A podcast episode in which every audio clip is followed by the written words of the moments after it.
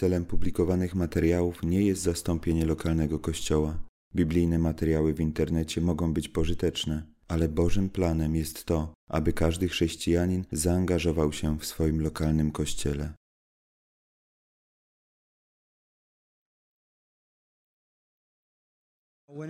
Ilekroć mam okazję wygłaszać kazanie na temat doktryny Słowa Bożego, istnieje duże niebezpieczeństwo, że może to potrwać długo. A wy możecie poczuć się tak, jakbyście pili z węża strażackiego pod pełnym ciśnieniem, ponieważ, jak wiecie, Słowo Boże jest moją pasją. Kocham prawdę, żyję dla prawdy, głoszę prawdę. Nic nie jest tak ważne jak prawda o Bogu objawiona w Piśmie Świętym. Pozwólcie, że zacznę dzisiejszy wieczór od przypomnienia Wam znanego stwierdzenia, które pojawia się w Biblii trzy razy. Raz w ósmym rozdziale Księgi Powtórzonego Prawa, raz w czwartym rozdziale Ewangelii Mateusza i po raz trzeci w czwartym rozdziale Ewangelii Łukasza. I jest to to stwierdzenie.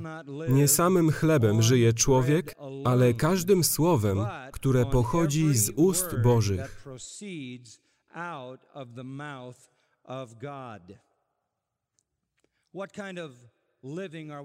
Jaki rodzaj życia jest tu przedstawiony? Otóż odnosi się to do całego życia, obejmującego zarówno życie duchowe, jak i doczesne, fizyczne. Wszystko w życiu, każde postrzeganie życia, każda postawa, każde działanie musi być rozumiane w świetle Słowa Bożego.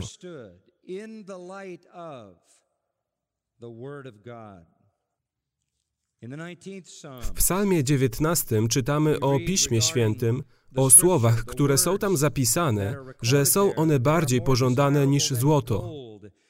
Nawet najszczersze i słodsze niż miód, nawet najwyborniejszy.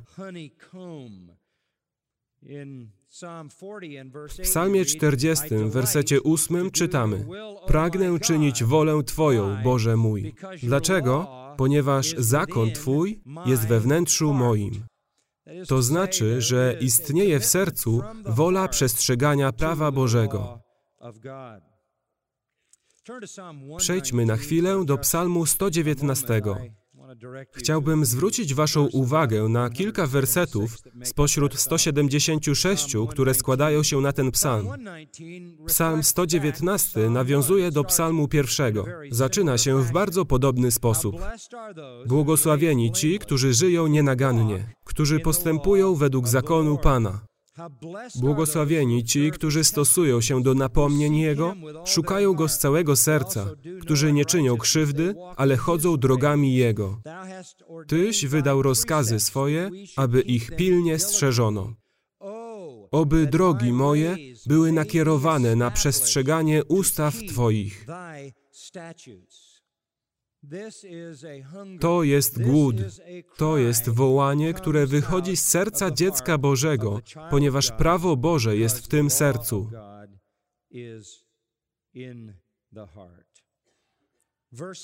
Werset 15 Psalmu 119. Rozmyślam o rozkazach Twoich i patrzę na drogi Twoje. Werset 16. Mam upodobanie w przykazaniach Twoich, nie zapominam słowa Twego. Werset 27. Spraw, bym zrozumiał drogi wskazane przez postanowienia Twoje, a będę rozmyślał o cudach Twoich. Werset 33. Naucz mnie, Panie, drogi ustaw swoich, a będę jej strzegł do końca. Werset 35. Prowadź mnie ścieżką przykazań Twoich, bo w niej mam upodobanie. Werset 40. Oto tęsknię do przykazań Twoich, przez sprawiedliwość swoją ożyw mnie.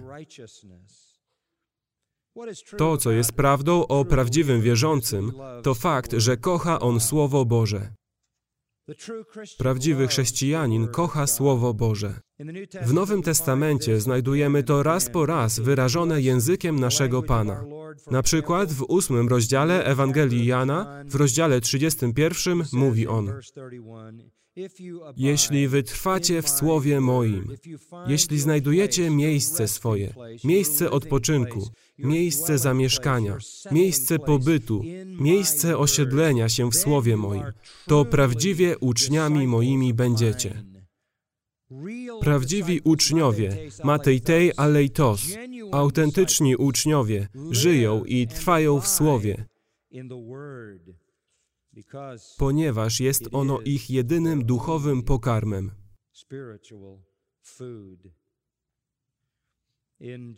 W Ewangelii Jana 14:15 Jezus powiedział: Jeśli mnie miłujecie, przykazań moich przestrzegać będziecie. Nie tylko będziecie mieć miłość do prawa Bożego, ale będziecie posłuszni temu prawu z serca, z radością i zapałem. Pierwszy list Jana, rozdział 5. Każdy, kto wierzy, że Jezus jest Chrystusem, z Boga się narodził, a każdy, kto miłuje tego, który go zrodził, miłuje też tego, który się z niego narodził. Po tym poznajemy, iż dzieci Boże miłujemy, jeżeli Boga miłujemy i przykazania Jego spełniamy. Jak możesz rozpoznać, że jesteś dzieckiem Bożym? Po tym, że kochasz prawo Boże i wypełniasz Jego przykazania. Porównaj to z drugim listem do Tesaloniczan. List ten przypomina nam, że są ludzie, którzy mają zginąć, werset 10 rozdziału drugiego, ponieważ nie przyjęli miłości prawdy, która mogła ich zbawić.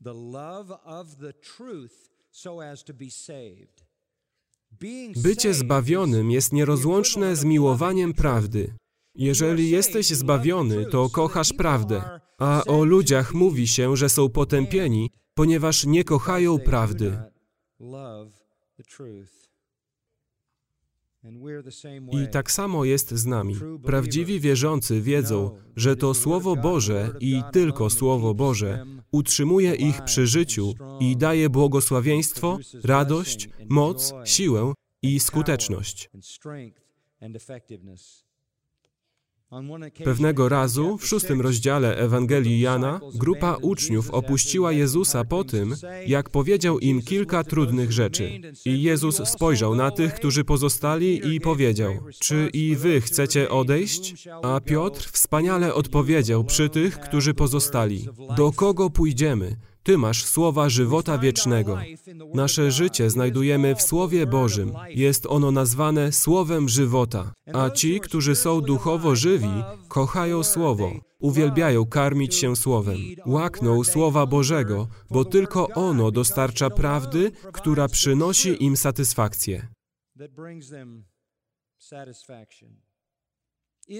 Obojętność wobec Pisma Świętego nie jest znakiem zbawienia.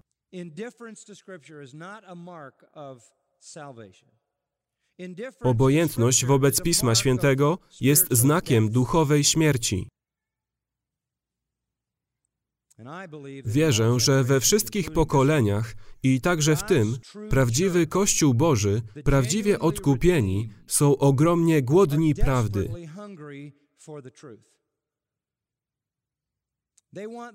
Chcą, aby Słowo ich karmiło. Chcą, aby Słowo było im nauczane, głoszone. Chcą, aby Słowo zostało im wyjaśnione z całym swoim bogactwem i głębią. Ale przez większość czasu nie otrzymują tego. Poważne studiowanie Słowa Bożego, Sumienna, ciężka praca nad tekstem Pisma Świętego w językach oryginalnych. Zagłębianie się w analogia scriptura, czyli analogię Pisma Świętego, które wyjaśnia samo siebie w 66 księgach i staranność wymagana do tego, aby wydobyć bogactwa tego skarbu, nie leżą w kręgu zainteresowań większości popularnych osobistości chrześcijańskich.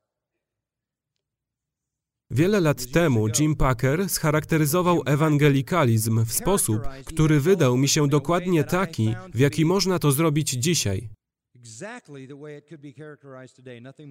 Nic się nie zmieniło w ciągu kilkudziesięciu lat od czasu, kiedy to napisał. A napisał to w przedmowie do przedruku Christian Directory Richarda Baxtera. Oto, co Packer powiedział, charakteryzując ewangelikalizm. Powiedział, jest to egocentryczne, dziwaczne, prostackie, zdegenerowane, na wpół magiczne rzucanie zaklęć, które jest wszystkim, co świat widzi, kiedy ogląda religijną telewizję lub patrzy bezpośrednio na wyznającą wiarę społeczność ewangelikalną. Dość mocny język od Anglikanina. Powiedział też, Nasze sposoby na to, jak mieć wspaniałą rodzinę, wspaniały seks, sukces finansowy po chrześcijańsku, jak radzić sobie z żałobą, przejściami życiowymi, kryzysami, lękami, frustrującymi związkami i czym tam jeszcze, dają nam formułę, dzięki której ma nastąpić z naszej strony seria rzekomo prostych działań w stylu malowania obrazków z ponumerowanymi polami. A mówił to wszystko, ponieważ porównywał to do tego ogromnego tomu napisanego przez purytanina Richarda Baxtera. Jest to grubo ponad milion słów stosujących Pismo Święte do chrześcijańskiego życia. Dlatego powiedział też, dzieło Baxtera to wysoki poziom inteligentnej, opartej na Biblii, teologicznie spójnej mądrości o niezawodnej, niezachwianej jasności, która olśniewa umysł. Gdzie ludzie udają się dziś po naukę Słowa Bożego, która jest olśniewająca dla umysłu? Gdzie udają się po nauczanie Słowa Bożego, które jest bardzo dokładne, inteligentne, wymagające, teologicznie bogate, zdrowe, zintegrowane, jasne w swojej prawdziwości? R.C. Sproul sugeruje w aktualnym numerze Table Talk, że nasza kultura zakorzeniła się w dumnej miernocie. Jesteśmy dumni z naszej miernoty. Są jeszcze pracowici uczeni, pracowite akademickie umysły w nauce i technologii oraz różnego rodzaju badaniach. Wciąż są tacy, którzy podchodzą do bardzo trudnych zadań i problemów i podejmują żmudny i długotrwały wysiłek, aby rozwiązać problem.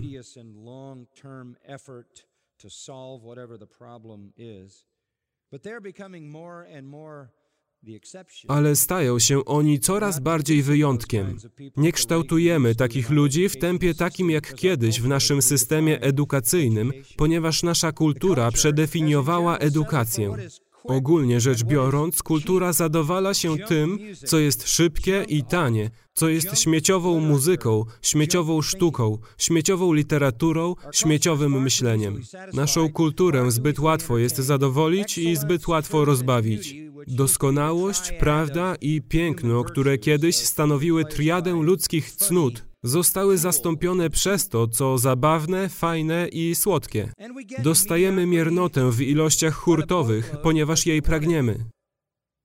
Przyjąwszy ją z otwartymi ramionami, nie tylko akceptujemy przeciętność, ale wręcz jej pożądamy.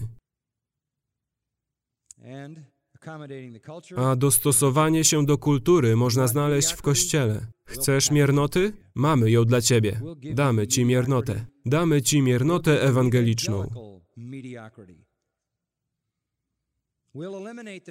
Wyeliminujemy to, co transcendentne. Pozbędziemy się tego, co biblijne. Usuniemy teologię. Zabierzemy głęboką, wymagającą prawdę Pisma Świętego i będziemy karmić spragnione miernoty masy miernotą. I w ten sposób usankcjonujemy tę przeciętność i powierzchowność, która definiuje naszą kulturę. And that superficiality that defines our culture. Mamy więc ludzi, którzy nie biorą niczego głębokiego na poważnie. Znaleźli oni miejsce nie tylko w kulturze, ale także w kościele. Pastorzy są teraz bardziej zainteresowani tym, aby być zabawnym, aby być cool i być ok. Chcą być cwani, kreatywni i stylowi, a nie są zainteresowani trudnymi rygorami przeszukiwania Słowa Bożego i głoszenia głębi Jego cudownych prawd, ponieważ myślą, że kultura potrzebuje tego, czego chce. Jak bardzo upadliśmy. Jim Packer napisał kolejny wstęp. Pisze ich wiele. Ten był wprowadzeniem do teologii purytańskiej. Powiedział tak. Wydaje się niemożliwe, aby zaprzeczyć temu, że Purytanie byli najsilniejsi właśnie tam, gdzie dzisiejsi ewangeliczni chrześcijanie są najsłabsi. Byli to ludzie o wybitnych zdolnościach intelektualnych, u których nawyki umysłowe, którym sprzyjała trzeźwa nauka, łączyły się z płomienną gorliwością dla Boga i doskonałą znajomością ludzkiego serca. Wszystkie ich dzieła ukazują to wyjątkowe połączenie darów i łask. Tam, gdzie Purytanie wzywali do porządku, dyscypliny, głębi i dokładności, Nasze usposobienie woli dziś przypadkową chaotyczność i niespokojną niecierpliwość. Łakniemy wyczynów, nowości i rozrywek. Straciliśmy nasz smak do wytrwałego uczenia się, pokornego samobadania, dyscypliny, medytacji i nieefektownej, ciężkiej pracy studiowania. A więc tam, gdzie purytanizm miał Boga i Jego chwałę jako jednoczące centrum, nasze myślenie obraca się wokół nas samych, jakbyśmy byli centrum wszechświata. Packer pisze dalej. W ewangelizacji głosimy Ewangelię bez prawa i wiarę bez upamiętania, podkreślając dar zbawienia i pomijając koszty uczniostwa. Nic dziwnego, że tak wielu pozornie nawróconych odchodzi. Pisze też, w nauczaniu o życiu chrześcijańskim naszym zwyczajem jest przedstawianie go jako ścieżki porywających emocji, a nie czynnej wiary, nadprzyrodzonych ingerencji, a nie racjonalnej prawości. A gdy mówimy o chrześcijańskim doświadczeniu, nieustannie skupiamy się na radości, pokoju, szczęściu, zadowoleniu i odpoczynku, nie uwzględniając równoważącego je świętego niezadowolenia, jak w Rzymian 7, walki wiary, jak w Psalmie 73, lub niesienia ciężaru odpowiedzialności i opatrznościowego chłostania, które spadają na dziecko Boże. Spontaniczna wesołość beztroskiego ekstrawertyka jest utożsamiana ze zdrowym chrześcijańskim życiem. I ci weseli ekstrawertycy są w naszych kościołach zachęcani do trwania w cielesnym samozadowoleniu, podczas gdy pobożne dusze o mniej sangwinicznym usposobieniu są niemal doprowadzane do desperacji, ponieważ nie mogą funkcjonować emocjonalnie w oczekiwany sposób. Koniec cytatu. Znajdujemy się w bardzo trudnym położeniu. Ci ludzie, którzy uważają się za chrześcijan, którzy uważają się za ewangelistów, próbujących dotrzeć do tego społeczeństwa, dają tej kulturze przeciętność, której ona pragnie i odwracają się od Słowa Bożego. Oni albo nie są chrześcijanami, albo są najbardziej cielesnymi z cielesnych chrześcijan. Jedną rzeczą jest być cielesnym podczas studiowania Słowa Bożego, czym innym jest pozwolić cielesności na odłożenie Biblii na bok. Widzę już ten trend jako osąd Boży. Jest na to wspaniała ilustracja. Przejdźmy do Starego Testamentu, do ósmego rozdziału Księgi Amosa.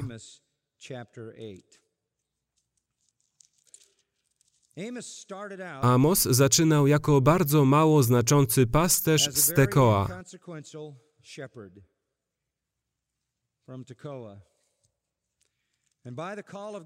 A dzięki Bożemu wezwaniu i cudownemu objawieniu stał się potężnym prorokiem. W ósmym rozdziale, w wersecie jedenastym, czytamy to, co jest naprawdę krytyczną częścią jego przesłania do Izraela critical part of his message to Israel. Verse 11, Amos 8. Oto idą dni, mówi wszechmogący Pan, że ześlę głód na ziemię. Nie głód chleba, ani pragnienie wody, lecz słuchania słów Pana.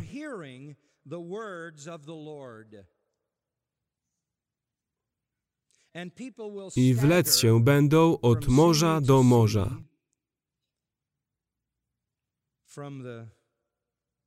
Od Morza Martwego, Morza Galilejskiego do Morza Śródziemnego, od wschodu do zachodu, i tułać się z północy na wschód, szukając słowa Pana, lecz nie znajdą.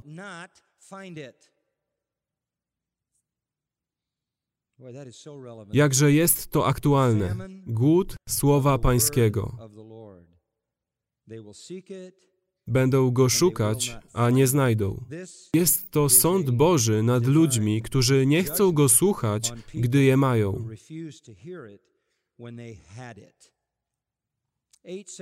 Osiem wieków przed Chrystusem północne królestwo Izrael jest pewne siebie, całkiem zadowolone, czuje się dobrze. Nie powinni. Moralność właśnie się załamała. Przeczytaj całe proroctwo Amosa. Jest tam to wszystko. Moralność się załamała, uczciwość zanikła i wyzysk biednych był powszechny, a klasa zamożnych była nikczemna. Pieniędzy za to było pod dostatkiem. Dobrobyt był powszechny, a oni oddawali cześć Bogu.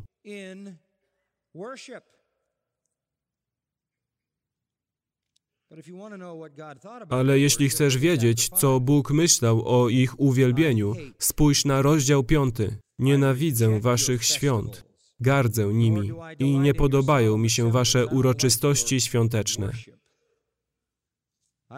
Nie podoba mi się wasze uwielbienie, nie podobają mi się wasze spotkania.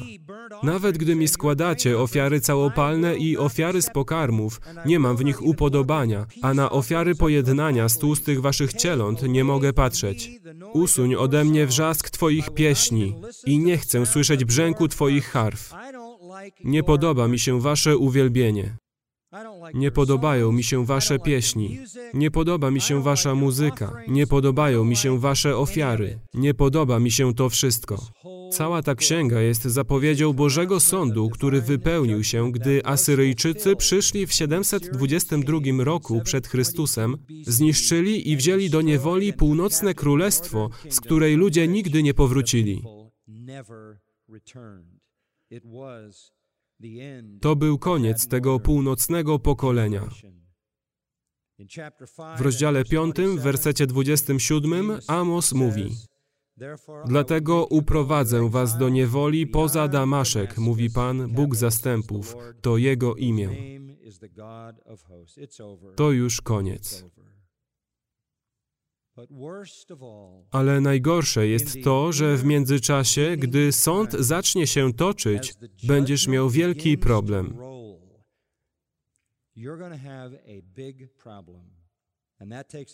I to prowadzi nas z powrotem do rozdziału ósmego. Będziecie się zataczać z głodu nie o chleb czy wodę, ale z głodu słuchania Pana. Będziecie się zataczać wszędzie i będziecie chodzić w tę i z powrotem, próbując znaleźć słowo od Pana, a nie znajdziecie go.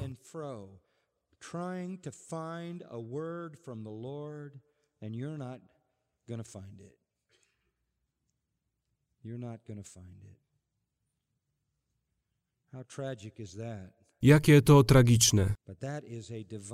Ale to jest sąd Boży, kiedy Bóg mówi, że nie słuchałeś, a teraz nie będę już do ciebie mówił.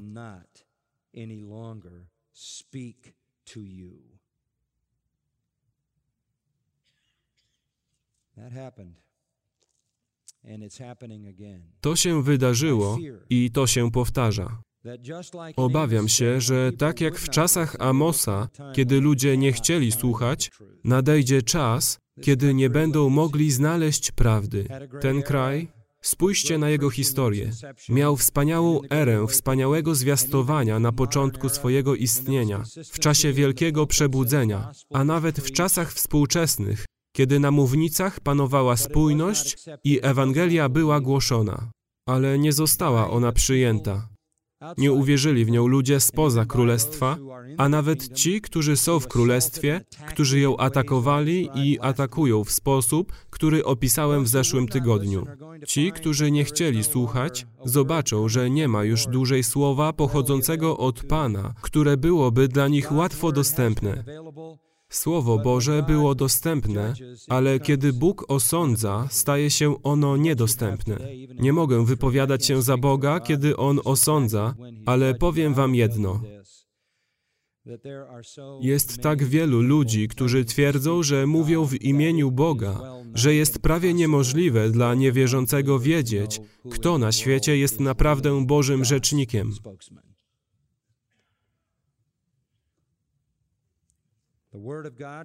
Słowo Boże staje się coraz bardziej deficytowe dla świata niewierzących, ponieważ nawet ci, którzy wierzą w Słowo Boże, boją się je wypowiadać, bo to obraża, a oni uważają, że to zła strategia.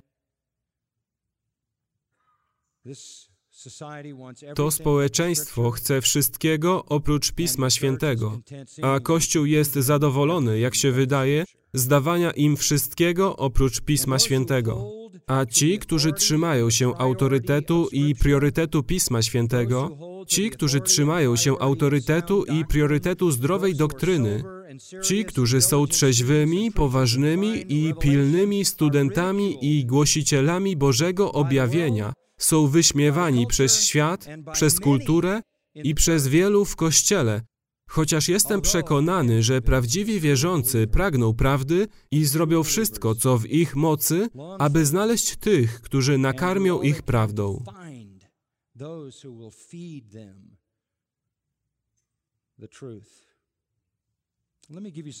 Pozwólcie, że przytoczę Wam kilka komentarzy niektórych ludzi z przeszłości, którzy pozostawili po sobie ślad. Marcin Luther. Biblii nie można zrozumieć po prostu przez studiowanie lub posiadanie talentu. Trzeba polegać na wpływie Ducha Świętego. A co powiecie o Zwinglim, innym reformatorze? Nawet jeśli otrzymałeś Ewangelię Jezusa Chrystusa bezpośrednio od apostoła, nie możesz postępować zgodnie z nią, jeśli nie nauczy cię tego Twój Ojciec Niebieski.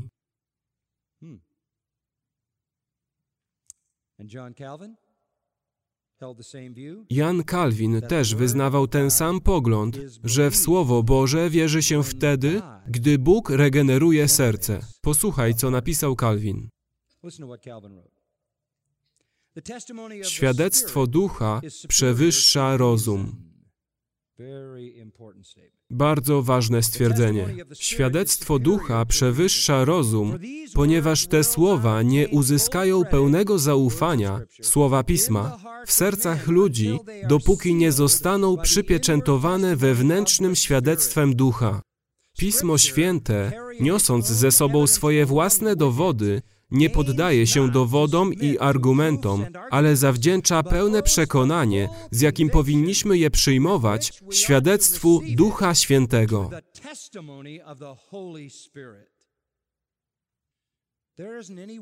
To niemożliwe, abyśmy mogli być uznani za intelektualną elitę świata. Przeciwnie, aby dostać się do królestwa, trzeba stać się jak małe dziecko. Nie jesteśmy potężni i wysokiego rodu, ani też erudytami i elitą. Nie jesteśmy mędrcami i uczonymi. Ale to nie jest to, co prowadzi cię do zaufania Pismu Świętemu. I Kalwin to powiedział. To nie jest rozum. To jest świadectwo Ducha Świętego, które przewyższa rozum.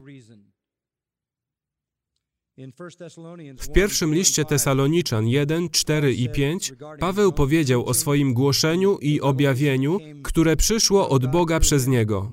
Wiedząc, bracia umiłowani przez Boga, że zostaliście wybrani, gdyż Ewangelia zwiastowana wam przez nas doszła was nie tylko w słowie, lecz także w mocy i w Duchu Świętym i z wielką siłą przekonania. Dlaczego jest tak, że niektórzy ludzie słyszą głoszenie Ewangelii i przychodzi ona w mocy i przychodzi w Duchu Świętym i przychodzi z siłą przekonania? Paweł mówi, wiedząc, że zostaliście wybrani.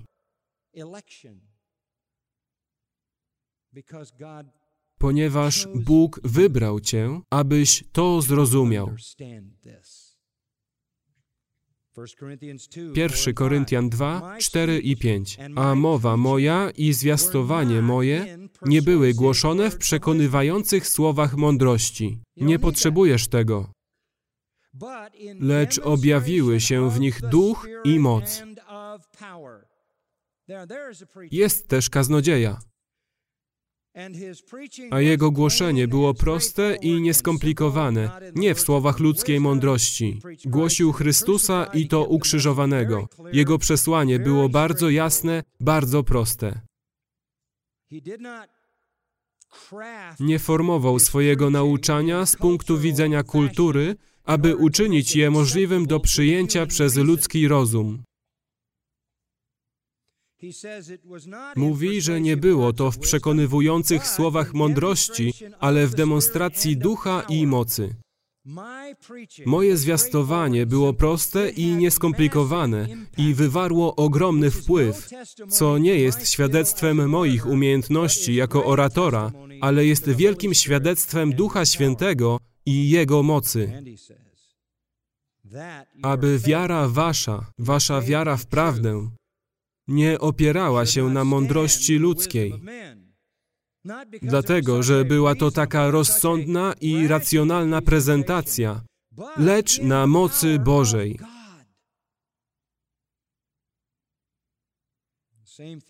To samo, co można powiedzieć o głoszeniu Pawła, można powiedzieć o całym objawieniu Bożym. Jest to obiektywna prawda. Jest to samo Słowo Boże. Wytrzymuje próbę rozumu i dokładnego zbadania, sprawdzenia i historii. Ale abyś mógł mu zaufać, potrzebne jest potężne działanie Ducha Świętego.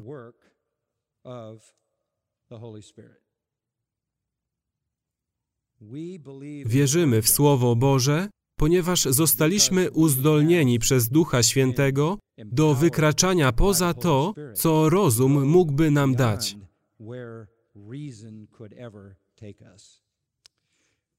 Pamiętam, jak wiele lat temu przemawiałem w koledżu. Poproszono mnie, abym przez trzy wieczory udowodnił, że Biblia jest prawdą.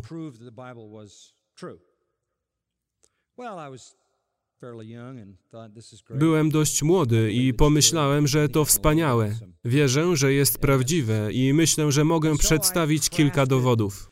I tak stworzyłem całą długą listę dowodów.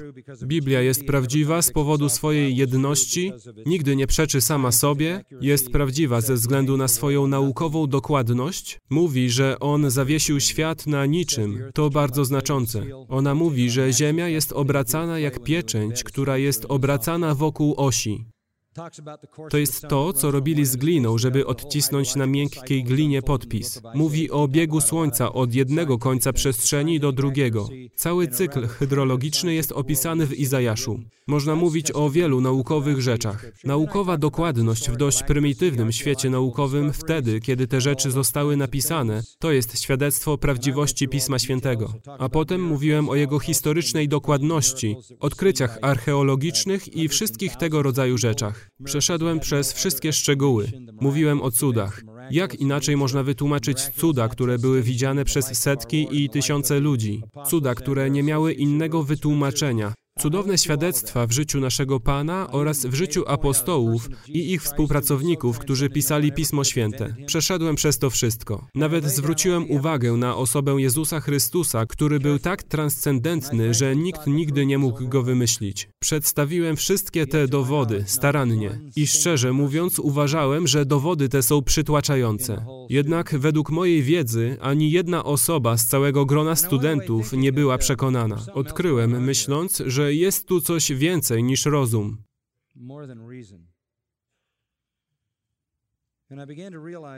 Zacząłem zdawać sobie sprawę z tego, co jest napisane w 1 Koryntian 2:14. Jeśli chcesz, to zajrzyj tam. Oto podsumowanie problemu. Ale człowiek zmysłowy nie przyjmuje tych rzeczy, które są z Ducha Bożego, bo są dlań głupstwem i nie można ich poznać, gdyż należy je duchowo rozsądzać.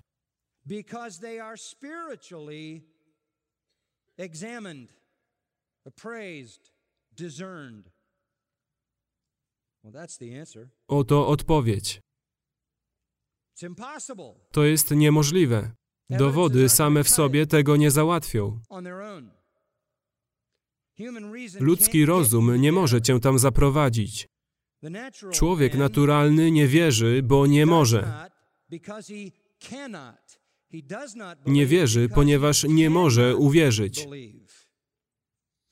I w tym nie może jest pewna głęboka rzeczywistość. Nie jest w stanie, ponieważ jest naturalny, a nie duchowy. Nie ma żadnego duchowego narzędzia. Co więcej, nie jest w stanie. Spójrz na 2 Koryntian 4. To potęguje jego niezdolność. Paweł mówi w wersecie trzecim, a jeśli nawet Ewangelia nasza jest zasłonięta, spójrz, głosimy Ewangelię i nie wszyscy wierzą. Wiemy o tym. Jeśli jest zasłonięta, jest zasłonięta dla tych, którzy giną.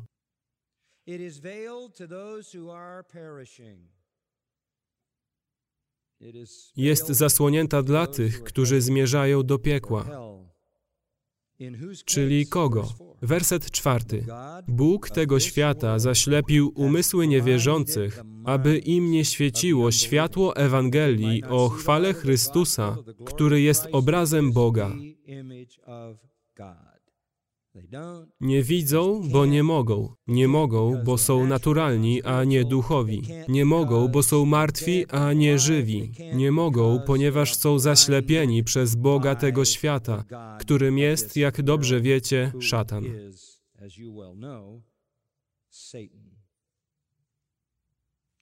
Ale jest coś jeszcze. Wróćcie do jedenastego rozdziału Ewangelii Mateusza aby pokazać wam, jak ugruntowany jest ich stan, albo jak głęboka jest ich ciemność. W Ewangelii Mateusza, 11 rozdziale, Jezus mówi w wersecie 25.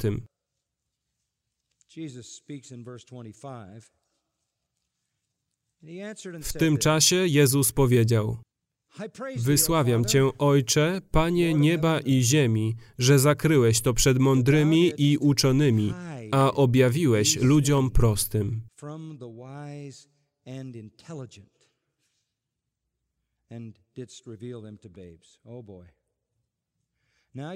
Teraz masz nie tylko naturalny stan, uniemożliwiający komuś uwierzenie, nie tylko szatański stan uniemożliwiający komuś uwierzenie, ale masz też Boży sąd, w którym Bóg ukrył te rzeczy przed mądrymi i inteligentnymi.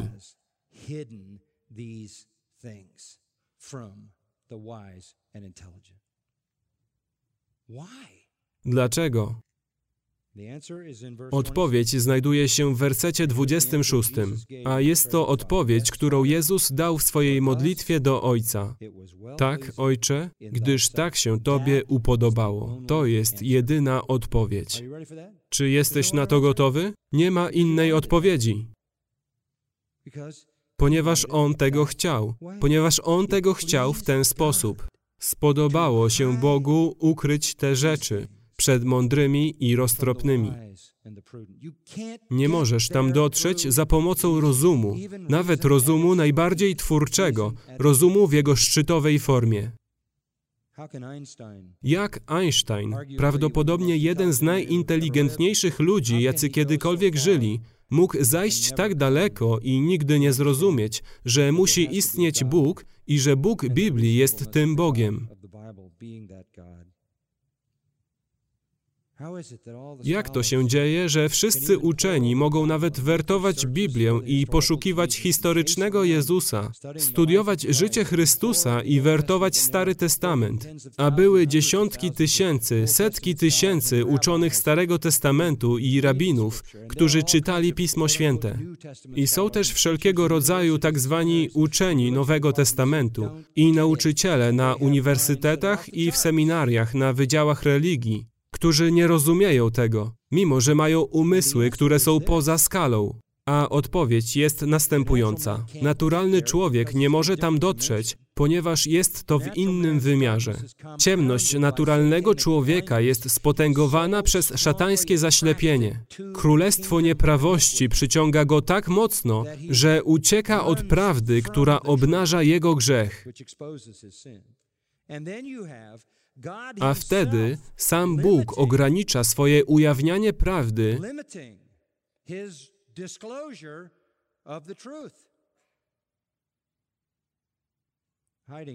ukrywając je przed mądrymi i inteligentnymi, a objawiając je ludziom prostym.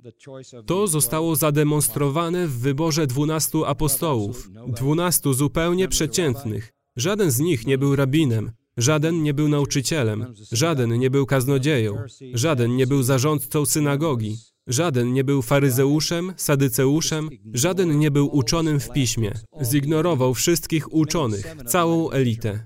Aż siedmiu z nich mogło być rybakami, tymi, którzy pracowali rękami. Jeden był nieuczciwym celnikiem, wyrzutkiem społecznym.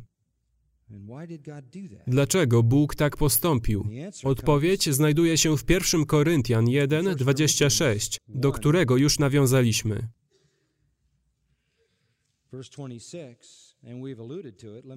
Pozwólcie, że wam go przytoczę.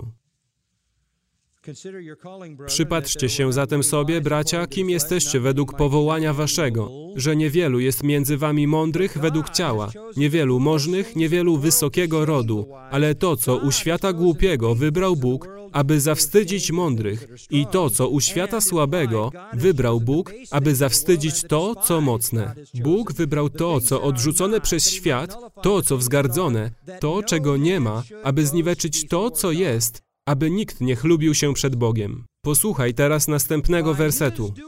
Dzięki Niemu jesteście w Chrystusie Jezusie. To tylko dzięki Bożemu działaniu doszedłeś do wiary w prawdę Bożego objawienia.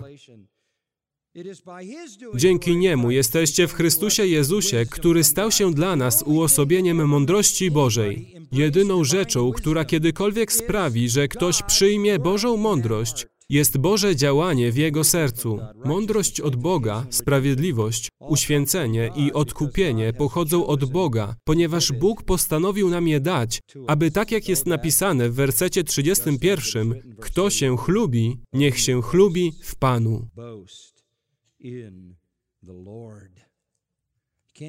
Nie można do tego dojść poprzez naturalne działanie ludzkiego rozumu. Dlatego też, kiedy próbujesz rozmawiać z niewierzącym, możesz dokładać i dokładać wszystkie rodzaje dowodów, wszystkie rodzaje rozsądnych argumentów. I wierzcie mi, prawda jest racjonalna i prawda jest sensowna ale to nie prowadzi ludzi do celu. Jeśli chcesz przedstawić argumenty za biblijną autentycznością, a ja chcę to robić za każdym razem, gdy wchodzę na tę mównicę, nie staję tutaj i nie mówię wam, jakie są rozsądne dowody na to, że Biblia jest prawdziwa.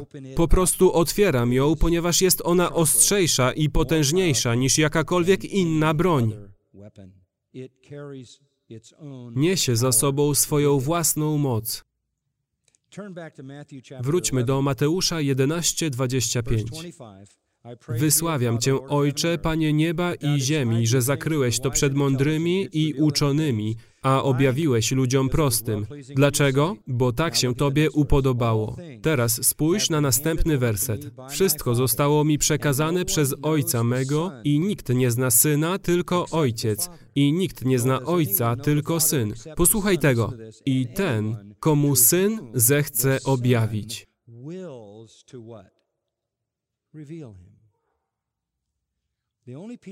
Jedynymi ludźmi, którzy wierzą, że Biblia jest Słowem Bożym, są ludzie, których Bóg wybrał, ludzie, którym Bóg się objawił i ci, którym Syn zechce objawić Ojca.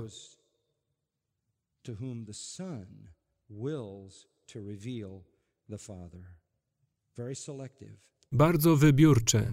A jednak, czy nie kochasz następnego wersetu? Ponieważ jest to tajemnica i nie wiemy, kim są ci ludzie, przychodzi to zaproszenie. Przyjdźcie do mnie wszyscy, którzy jesteście spracowani i obciążeni, a ja wam dam ukojenie. Suwerenność Boga jest tym zaproszeniem.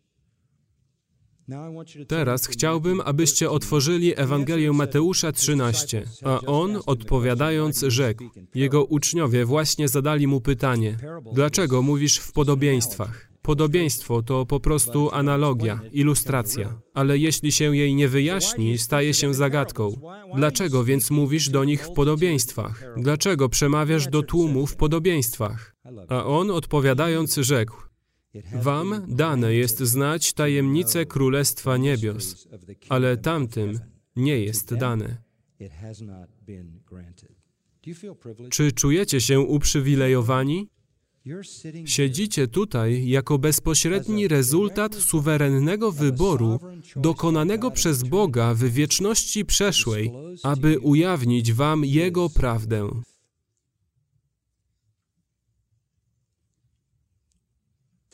Im nie zostało to dane.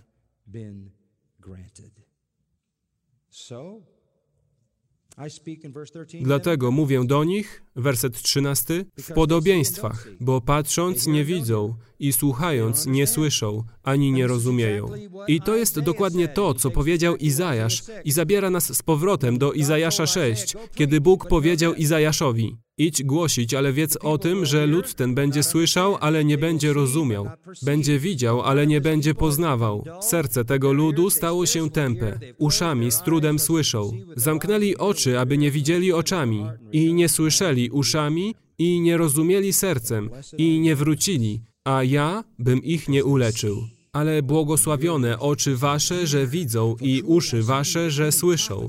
Bo zaprawdę powiadam wam, wielu proroków i sprawiedliwych pragnęło ujrzeć to, co wy widzicie, a nie ujrzeli, i usłyszeć to, co wy słyszycie, a nie usłyszeli. Jesteśmy uprzywilejowani. A tu ci wszyscy ludzie, rabini i ludzie religii, Uczeni i uczniowie biegający dookoła, próbując zrozumieć te rzeczy.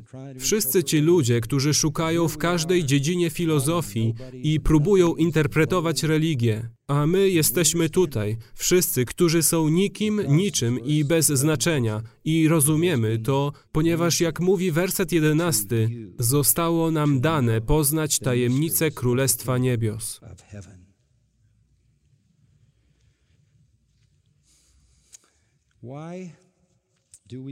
Dlaczego wierzymy Biblii? Ponieważ zostało nam dane, abyśmy w nią wierzyli.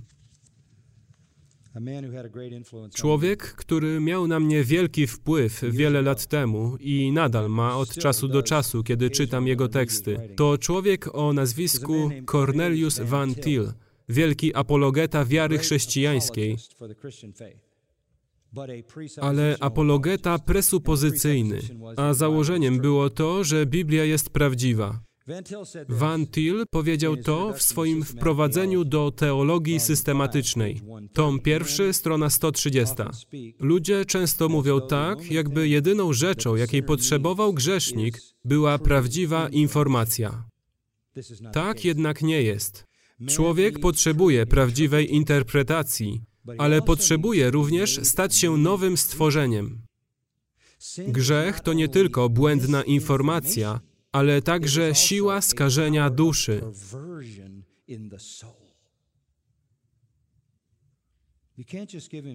Nie można po prostu dać mu informacji, nie można po prostu dać mu interpretacji. Trzeba go uczynić nowym stworzeniem. Van Til powiedział, chrześcijanin wie, że źle zinterpretuje naturę z powodu grzechu, który jest w nim, chyba że zostanie oświecony przez Pismo Święte i poprowadzony przez Ducha Świętego. My to wiemy. Apologetyka, powiedział, obejmuje konflikt o ostateczne autorytety. To jest konflikt o nasze założenia lub ostateczny standard. Teraz pozwólcie, że to wyjaśnię. Albo wierzysz, że człowiek sam w sobie ma racjonalną moc, aby wznieść się do prawdy Słowa Bożego, albo wierzysz, że tak nie jest. Jeśli wierzysz, że tak jest, masz niebiblijny pogląd na człowieka. Jeśli wierzysz, że tak nie jest, to wiesz, że moc nie leży w dowodach dla racjonalnego umysłu, ale w głoszeniu Słowa Bożego. A to, co mamy dzisiaj w służbie, to nic innego jak próba przekonania ludzi za pomocą sprytu, racjonalności i innych manipulacyjnych sił, że w jakiś sposób w sercu człowieka jest zdolność do powstania z jego duchowej śmierci, powstania z jego duchowej ślepoty, powstania z Bożego wyroku ślepoty i samodzielnego uwierzenia, ponieważ tak bardzo mu to ułatwiliście. Niedorzeczne. Ale to jest tym, co napędza tak wiele tak zwanych ewangelizacji. Sprzeciw grzesznika wobec Słowa Bożego. Sprzeciw grzesznika wobec świętej prawdy Bożej. Sprzeciw grzesznika wobec Ewangelii nie wynika z uzasadnionych kwestii intelektualnych dotyczących prawdy lub prawdziwości Pisma Świętego. Powstaje on z buntu grzesznej duszy. A ponieważ jest ona naturalna, to nawet na swoim najwyższym racjonalnym poziomie nie może osiągnąć tej duchowej wiedzy.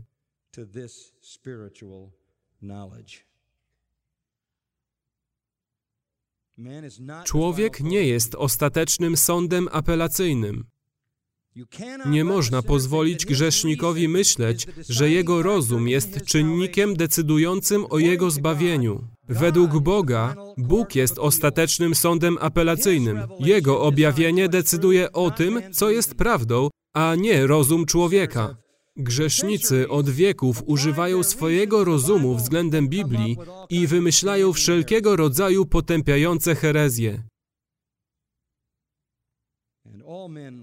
A wszyscy ludzie, pisze Vintil, opierają swoje myślenie na fundamencie wiary, a Twoja wiara jest albo w Boga, albo w siebie i swój rozum. Nie będę pokładał mojej wiary w ludzkim rozumie, dlatego nie głoszę rzeczy, które manipulują ludzkim rozumem. Głoszę Słowo Boże, ponieważ pokładam wiarę w Jego moc i w Jego Słowo. Tak więc, aby poznać Bożą prawdę i zrozumieć Biblię, grzesznik musi wołać do Boga. Grzesznik musi być przytłoczony prawdą Słowa Bożego. Głosząc cokolwiek innego niż Pismo Święte, marnujesz swój czas. Grzesznik musi zrozumieć prawdę, musi posiąść tę informację, potrzebuje interpretacji. Jesteśmy narodzeni na nowo przez słowo prawdy, lecz musi wołać do Boga, aby go zbawił, aby dał mu życie, aby zdjął z niego zasłonę, aby obezwładnił wroga, który go oślepił, aby usunąć rzeczy, które sam Bóg zakrył przed nim i aby wyniósł je do światła. Grzesznik musi paść przed tronem Boga i zawołać z głębi swej zalęknionej duszy.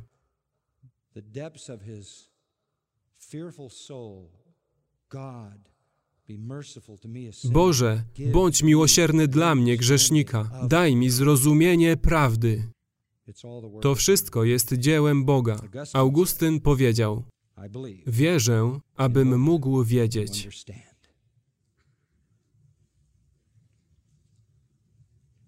Pomódlmy się. Co możemy powiedzieć o Boże? Słowa nie są w stanie wyrazić tego, co czują serca, gdy przychodzimy do Ciebie i staramy się podziękować Ci, że zdecydowałeś się objawić nam siebie.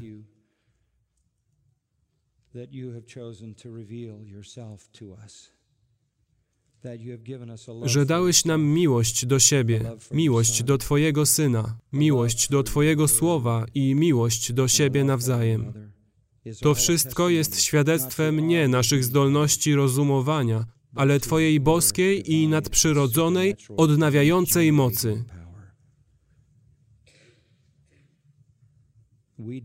My wierzymy i dlatego rozumiemy. A Twoje słowo otwiera się przed nami i utożsamiamy się ze wszystkimi słowami psalmisty. Nasza rozkosz jest w Twoim prawie. W nim medytujemy dzień i noc. Kochamy Twoje prawo. Znajdujemy radość za radością w Twoich przykazaniach. Mamy głód i pragnienie Twojej prawdy. To jest nasz jedyny pokarm dla duszy. I Boże, wiemy, że Twoi ludzie w tym kraju, a nawet na całym świecie są w wielu miejscach, gdzie jest głód słuchania Twojego słowa. Niech Twój prawdziwy lud ma nauczycieli, kaznodziei i autorów, którzy mogą do nich dotrzeć i nakarmić ich głodne serca. I niech to społeczeństwo, które jest tak oddane temu, co niemądre i przeciętne,